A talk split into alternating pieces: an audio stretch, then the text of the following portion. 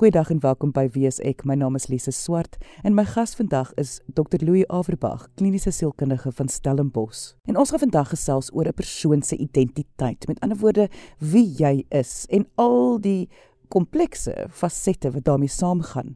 Indien jy enige vrae het en graag vir ons wil kontak, kan jy gaan deur die webwerf www.wsek.co.za of jy kan direk vir my 'n e-pos stuur, lise@rsg.co.za. Maar kom ons luister nou verder na my gesprek met Dr Louis Averbag oor identiteit. Louis, kom ons begin met die uh, vraag van wat is identiteit? Hoe hoe sou jy die term beskryf? Ja, dis 'n gewigtige saak, maar ek dink dit kom kortliks daarop neer om te vra letterlik in jou essensie wie jy is. Wie is jy wat jou uniek maak van ander mense? En jy weet dit dit behels baie aspekte. Dit behels onder andere regtig mense oortuigings, jou waardes. So dit wat mense inglo, al is dit klein dinge, soos dis belangrik om te oefen of groter sake, soos geloofsake. Alles bepaal dan in 'n mate wie jy is, jou waardes, jou jou oortuigings, jou persoonlikheidseienskappe, selfs jou fisiese voorkoms, jy weet, eh, die manier hoe jy optree en hoe en dit wat jy ervaar op emosionele vlak en dit wat jy doen in sekere omstandighede wat meestal gedryf word deur jou waardes. En natuurlik baie ander eienskappe wat ons miskien nie eers van weet nie, jou genetika, jou oortuigings, jou belangstellings, jou vermoëns, alles dit bymekaar gaan aan die einde van die dag dan die vraag beantwoord, maar wie presies is jy? En dis 'n baie komplekse ding, nê, nee, soos mense kan nou hoor, dit dit dit behels baie baie ingewikkelde konsepte en 'n klomp verskillende dinge daar's tog nie net een of twee dinge wat bepaal wie en wat mens is nie. Dinge soos 'n persoon se seksualiteit en 'n persoon se gender. Al hierdie goeters wat ons deesdae baie meer van hoor as in 'n 20 jaar gelede. Waar val hulle in? Natuurlik, nê, nee, so jou geslag eerstens het 'n groot weerspieëling op wie jy is as persoon. Gender, wat 'n ander konsep is as geslag jou seksuele voorkeure wat natuurlik nou weer 'n hele ander ding is is tog deel van die hele groter tapesterie wat jou opmaak van wie en wat jy is soos byvoorbeeld jou belangstellings jou stokperdjies hou jy van musiek en watse tipe musiek jy van hou? Uh gaan dan ook 'n rol speel soos wat jou seksuele voorkeure 'n rol speel. Um of hoe jy jouself sien in terme van jou gender gaan tog baie bepalend 'n uh, uh, rol speel, maar Lise, ek dink dit is belangrik om te sê dis net een deel van jou identiteit. Ons as mense is geneig om baie keer mense of groeperings of individue uh, te etikeer op grond van een of twee aspekte van hulle identiteit. Hulle belangstellings of hulle vermoëns. Ons is baie lief om dit te doen. Daar die persoon wat die wat die top sportpersoon is of die top denker is of die baie bekwame sakepersoon is. Ons maak dit sommer maar dit is wie en wat die persoon is terwyl dit maar net eintlik 'n deeltjie daarvan is. En dieselfde mos nou met uh, seksualiteit of seksuele voorkeure of geslag is maar net 'n deel van wat jy opmaak as mens. Vorm identiteit deur uh, die loop van 'n mens se lewe of is dit iets waarmee jy gebore word? Ek dink ek wil by die vraag uitkom, het jy 'n keuse in wie of wat jou identiteit is? Man, dit is 'n goeie vraag en en die antwoord soos waar dit nou staan met die beste kennis wat ons het is natuurlik dat dit oor al twee gaan. Wie en wat jy is is ook nie 'n statiese konsep nie. Onthou mense verander. So mense sal sê definitief word jy gebore met sekere baie vaste konstrukte soos jou oogkleur, jou jou velkleur, sekere vermoëns, sekere geneigthede fisiese voorkoms ensovoorts baie baie van wie ons is is vooruit bepaal is in ons DNA strukture vasgeskryf. Maar weer eens dit vorm ook vir ons 'n bloudruk waarop ons dan invloede van ons omgewing inneem en wat ons vorm. En ons almal weet dit tog. Hoe dit met ons in die lewe gaan wat met ons gebeur wie en wat ons mee te doen het wat ons leer wat ons nie leer nie. Verskriklik baie invloede. Kom al alles bymekaar saam met ons programmering om so te stel hoe jy uit die eier uitkom. Wat jou dan in 'n gegeewe tyd die mens maak wie jy is. Wat nie noodwendig dieselfde identiteit gaan wees oor 10 of 15 jaar nie. Sekere aspekte van ons identiteit verander, vele verander nie. Maar dit is regtig 'n ses van die een en 'n half dosyn van die ander een wat éventueel ons identiteit opmaak. Ja, die idee wat ek kry is is dat die, dinge wat met jou gebeur, die lewe wat gebeur, daai gaan alles kan dit verander in 'n ander rigting in of druk. Dit is amper soos klei, klei wat gedruk word in 'n sekere rigting. Maar dis nie 'n hmm. geval van Maar klei moet eers klei wees om te gedruk te kan word. En dit verwys na jou voorafprogrammering natuurlik. Presies, maar dit is nie 'n mens se keuse van ek hou nie van hoe ek is nie, so ek gaan nou besluit om iets anders te wees nie. Met sekere aspekte. Sekere aspekte kan mens besluit om anders te wees. Jy kan nie jou oogkleur verander nie. Uh jy kan tog sekerlik sekere van jou vermoëns nie verander nie of jy dit gebruik of nie. Sommige vermoëns wat jy nie het nie, kan jy ontwikkel. So ja, sommige kan mens wel en sommige nie. Hoekom moet mens enigsins, ek bedoel as dit so 'n komplekse onderwerp is, hoekom moet mens enigsins bewus wees van 'n van jou eie identiteit? Wel, dis dit die ding is dat die wêreld gaan onder andere baie sterk oor interpersoonlike kontak. Bitter bitter min mense leef in isolasie. En dit impliseer dat ons verskillende miljoene individuele identiteite is wat saam met ander miljoene individuele identiteite moet saamleef oor die weg kom en ons wil ons wil graag want dit is vir ons almal voordelig en die hele kwessie van identiteit kom heeltyd ter sprake die ontwikkeling van die mens die ekonomiese vooruitgang van die mens die rykdom van die mens as mens bloot net uit finansiële terme wil dink hang in 'n groot mate daaraf of ons 'n kollektiewe identiteit kan vorm in kleiner groepe en in groter groepe. Kan ons in Suid-Afrika 'n lekker Suid-Afrikaanse identiteit hê wat almal pas en almal lekkerder laat saamwerk tot almal se voordeel, of dit nou finansiële of persoonlike voordeel is, maak nie saak nie. En in die wêreld ensovoorts ensovoorts. En die kwessie van identiteit kom baie ter sprake in die faktore wat dit verhinder. Ons gaan met julle oorlog maak want julle is nare selfsugtige diewe.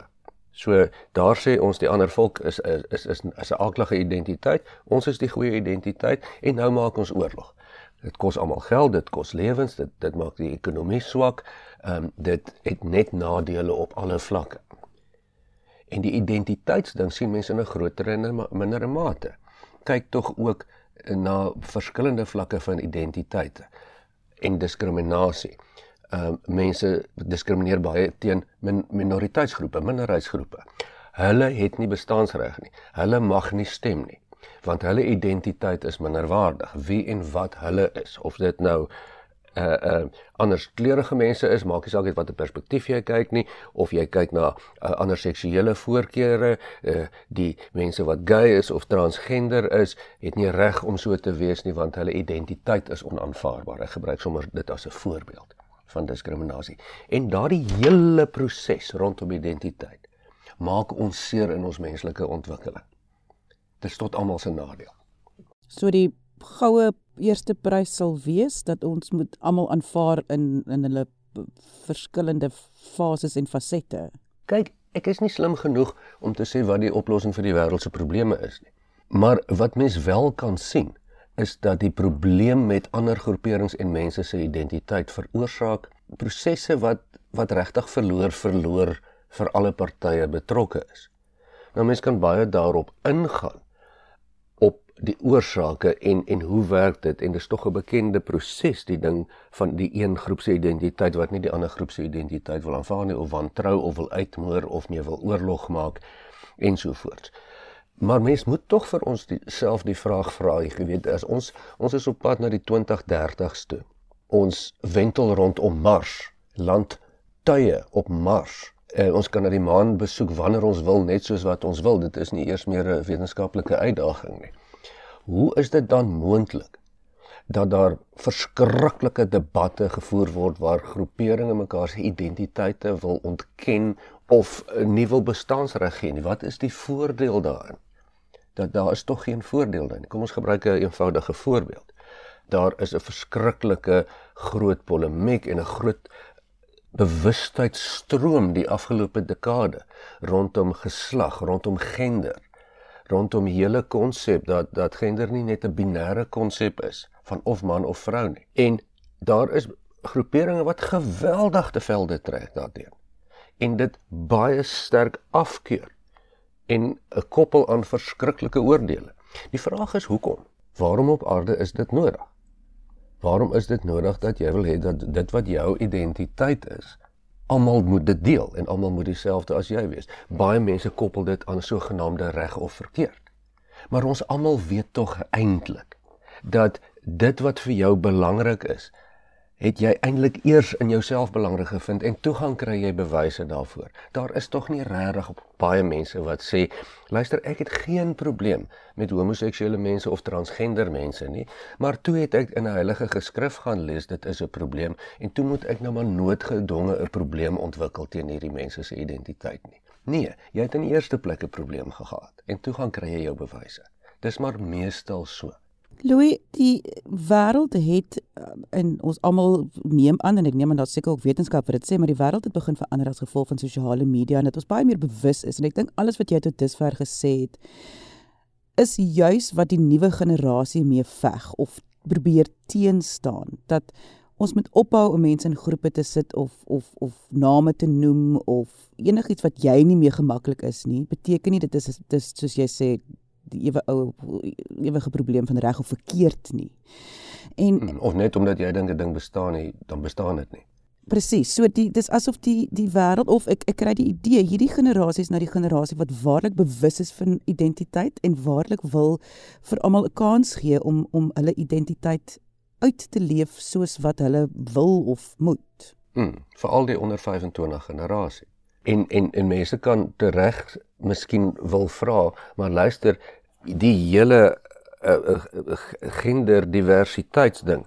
Dis mos nou 'n nonsens ding wat hier in die 90 begin het en dit moet die nek ingeslaan word want dit is mos nou nie so nie.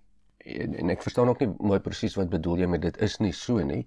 Uh, uh wat is nie so nie? Kom ons gebruik dit as 'n as 'n voor as 'n voorbeeld as ons mag en ons sê seksualiteit en geslagtelikheid en en gender is 'n baie groot deel van mense se identiteit uh, die grootste persentasie van mense in die lewe is heteroseksueel. So as jy as 'n heteroseksuele mens sou dink, dis 'n baie groot deel van jou identiteit, wie jy is, hoe jy na die lewe kyk, hoe jy omgaan met ander mense. En as jy gaan kyk na identiteit, dan is is dit net eenvoudig nie so dat daar net twee geslagte is nie. Dit is nie so net was ook nog nooit so gewees nie. En dit is ook nie noodwendig so dat mense nou ewe skielik transgender geraak het want dit is 'n mode nie. Partykeer is dit seker so. Maar daar's baie transgender mense en daar was nog altyd dubbelslagtige mense kom soveel voor as mense met rooi hare. Nog al die al die wêreld, een uit elke 1000 mens, een uit elke 1000 babas word omtrent ge, uh, word gebore met met met 'n uh, uh, uh, dubbele geslagsorgane. So, uh, min of meer. So uh, waar kom die ding vandaan dat dat identiteit is net soos jy dink dit moet wees. Identiteit is baie kompleks. En seksualiteit het 'n groot het 'n groot rol daarin. Mens wil amper sê dat as dit so 'n komplekse ding is, jy weet, 'n skoenmaker hou jou by jou lees, dat bly by jou eie identiteit en werk aan jou eie mens wees en en en spandeer minder tyd aan ander mense en wie hulle is. Daar is verskriklik 'n gehoë persentasie homoseksuele mense in die wêreld. Ek het nog nooit dit dit seker al gebeur, maar ek het nog nooit betogings of haatbriewe of dinge gesien waar homoseksuele mense skryf en eis dat heteroseksuele mense moet verander of dat hulle nie bestaansreg het nie of dat hulle abnormaal is. Ek het dit nog nooit gesien. Ek dink ook dit gebeur nie. Hoekom gebeur dit dan net andersom?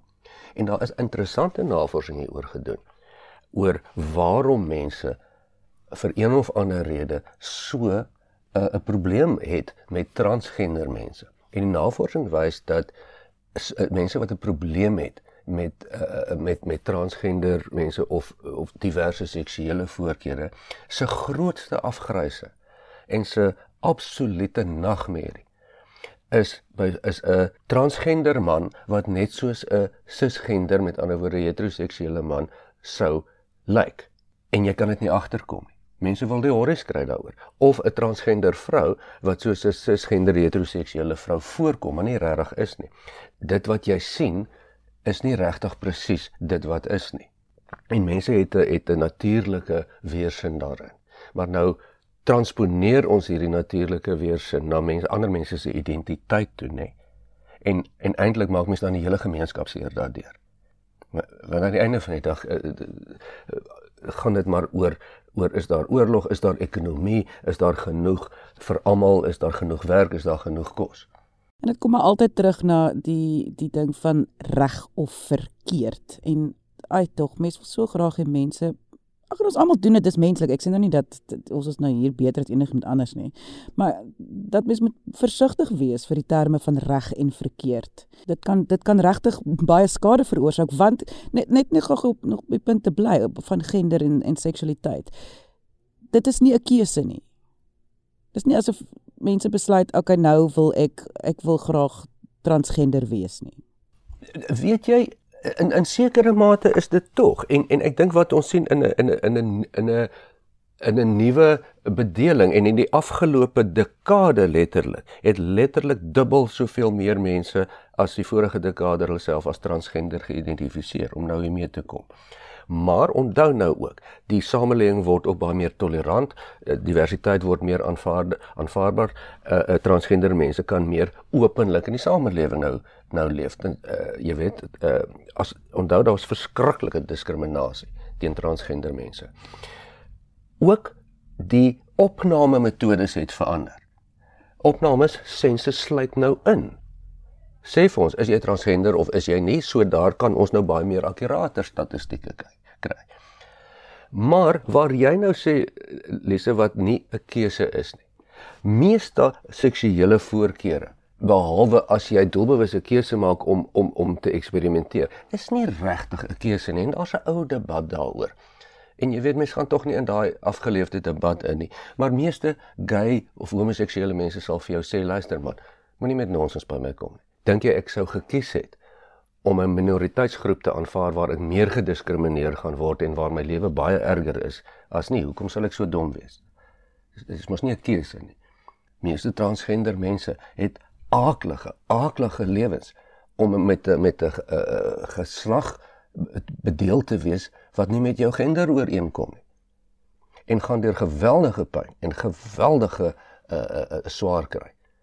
En en party kry dit reg om darm uh, dan volle lewens te kan lei. Onthou nou ook wat gebeur Lise is saam met 'n bewussynskuif soos wat nou besig is om te gebeur. Die groot bewussynskuif van hierdie eeu is nie 'n uh, ekonomies of polities nie, dit is regtig die konsep dat geslagtelikheid nie net op twee pole lê nie. Of die hernieude besef, want dit is nie 'n nuwe ding nie. Met ander woorde as mens ook dan kyk na die wêreld as 'n persoon, is hierdie wêreldse persoon besig om stadig maar seker nou hulle identiteit of hulle idee van identiteit aan te pas. Goed of sleg, maar aan te pas. Een ding weet ons verseker en dit is dat verandering altyd plaasvind. Die mens evolueer 'n uh, bewussyn skuwe kom gereeld in amper elke dekade is daar nuwe bewussyn, jy weet. Uh, soos die Me Too beweging. Uh, die nuwe uh, bewussyn wat ons het rondom geslagtelikheid en gender al was dit altyd daar gewees. So die individu, die identiteit van die kollektiewe wêreldmens uh verander heeltyd die demografie die die uh voorkoms, die manier van dink oor dieselfde identiteit is lankal nie meer net 'n 'n of 'n manlike of 'n vroulike identiteit nie. En daar is baie ander aspekte van van identiteite wat ook verander en onder druk kom om te verander. En alles van dit het natuurlik voor- en nadele en 'n mens kry baie swaar met hulle identiteit. Mense sal ook vir jou sê, maar ek is nie die moeite werd om uh, voor liefgehet te word nie ek is nie goed genoeg nie, verwysend na jou identiteit, sommer na jou hele menswees. Wat natuurlik 'n verskriklike denkfout is want dit is letterlik nie moontlik dat jy slegter of beter as iemand anders kan wees nie. Maar ons verstaan dat ons as mense voel so. Ons voel nie, "Ag man, ek wens my vermoëns was bietjie beter dan kon ek vir die Stormers rugby speel nie." Ons sê eerder, "Ag nee, ek is niks werd nie, want ek het nie ek is nie goed genoeg om vir die Stormers rugby te speel nie." Ja, wat 'n eh, wat mens natuurlik nou bring by die geestesgesondheidsaspek van die hele gesprek. En dit is dat ja, sê ons ons ek wil amper sê wil so graag ons identiteite wegwens. En dis gewoonlik waar mens dan geestesprobleme gaan optel. Ja, want ons omgewing in die wêreld om ons skep vir ons baie duidelik en baie graag 'n prentjie van hoe ons identiteit veronderstel is om te wees. En ons meet ons identiteite teer daardie identiteit en ons kom agter maar ons is nie so nie, maar ons is veronderstel om so te wees, hoe dit ook al is. Jy weet dit wat die samelewing vir ons sê. Jy moet slim wees of jy moet ryk wees of jy moet uh, in jou ry staan of jy moet nie gay wees nie of jy moet gay wees of wat jy ook al die samelewing vir jou sê. En jy meet dit in jou identiteit en en ai man dan is jy mos nie goed genoeg nie. En wie het hierdie konsepte geskep? Dit dit is nie dis nie 'n universele uh, wette van fisika nie dis mens uitgedinkte konsepte jy hoef nie jou identiteit daaraan te koppel nie die wêreld maak dit natuurlik net baie baie moeilik mens sê dit is wat professionele hulp mens mee help is om jou identiteit te kan identifiseer en en wel aanvaar vir wie jy is. Baie mense sukkel met dit en en en en dis waar ons as sielkundiges baie keer nog 'n rol kan speel. Jy weet mense sal letterlik aanmeld en afspraak maak en sê luister, ek kan nie met myself saamleef nie want verragtig ek haat myself. Ek is goed vir niks. Ek is vrot en ek is nie aanvaarbaar nie. En gewoonlik dan nou maar as mens gaan vra nou waar dit vandaan kom jy gaan kyk mooi, dan is dit wat ander mense geïnstalleer het en ander mense uitgedink het. Uh hoe jy veronderstel was om te wees. Jy weet meisies, meisies moet mooi sit. Hulle moet so loop. Hulle moenie hard lag nie. Seentjies moenie met poppe speel nie. Eh, seuns moenie huil nie of seuns kan maar huil maar wragtig hulle moenie vir ander seuns kyk nie of wat dit ook al is. En en en dis mos nie wette van fisika nie. Dis mens uitgedinkte konsepte goed wat deur die jare verander maar wat ons aanbied vir mense as die waarheid die sogenaamde waarheid. En dan voel mense maar my identiteit meet mos nou nie goed teen hierdie hierdie waarheid nie. Dan is ek mos nou maar 'n minderwaardige identiteit. En dit is grootliks die wêreld waarin ons leef. Dit is baie hartseer En en ja, op baie vlakke gaan dit beter as 100, 200, 300 jaar terug. In baie vlakke gaan dit nie beter nie. Jy weet, in Indië het vir eeue 'n hele bevolking dubbelgeslaglike mense geleef tot uh, jy weet en toe die vir, in vrede en erken as 'n derde geslag mense totdat die Britte Indië gekoloniseer het en en omdat hulle ongemaklik was met daardie ding het hulle dit verbaan. Selfs in 'n in 'n 'n ekstremistiese uh, uh, land soos Iran het geen probleem met transgender mense nie. Die die die staat self sal help subsidieer as as uh, vir vir uh, operasies ensovoorts. Maar dan weer aan die ander kant homoseksualiteit is totaal onaanvaarbaar en word sommer gestraf. In Afrika lese glo dit of nie 38 van die 54 lande in Afrika is homoseksualiteit onwettig in 2023. So ja, dis hartseer. Louis ter afsluiting net om te gesels weer oor identiteit en en die voordele wat dit kan inhou om bewus te wees van 'n mens se eie identiteit of miskien 'n bietjie te gaan delf in al hierdie verskillende vlakke en en hoekies en kamertjies van wat 'n persoon se identiteit is. Wat is die voordeel daarvan? Die voordeel lê daarin dat ons wil graag ons almal die laaste mens op aarde glo ek wil graag 'n gelukkige bestaan voer. Almal het natuurlike verskillende definisies oor wat geluk beteken, maar mense wil so gemaklik as moontlik leef of so gelukkig as moontlik emosioneel kognitief gedragsgewys. So die bewustheid van identiteit gaan nie daaroor om jouself in die spieël te kyk en 'n rad voor die oë te draai en te maak asof jy wonderlik is nie. Dis om bewuslik na jouself te kan kyk en te keer dat sommige van die wêreldaanslae jou vang op jou gemoed en op jou denke, soos wat dit miljoene mense vang en onnodig val. En dit was die stem van Dr Louis Averbag, kliniese sielkundige van Stellenbosch. Dankie dat jy vandag ingeskakel het. Ons maak weer so volgende Vrydag 12:30 hier op RSG. Jy moet 'n heerlike naweek hê en onthou, kyk mooi na jouself.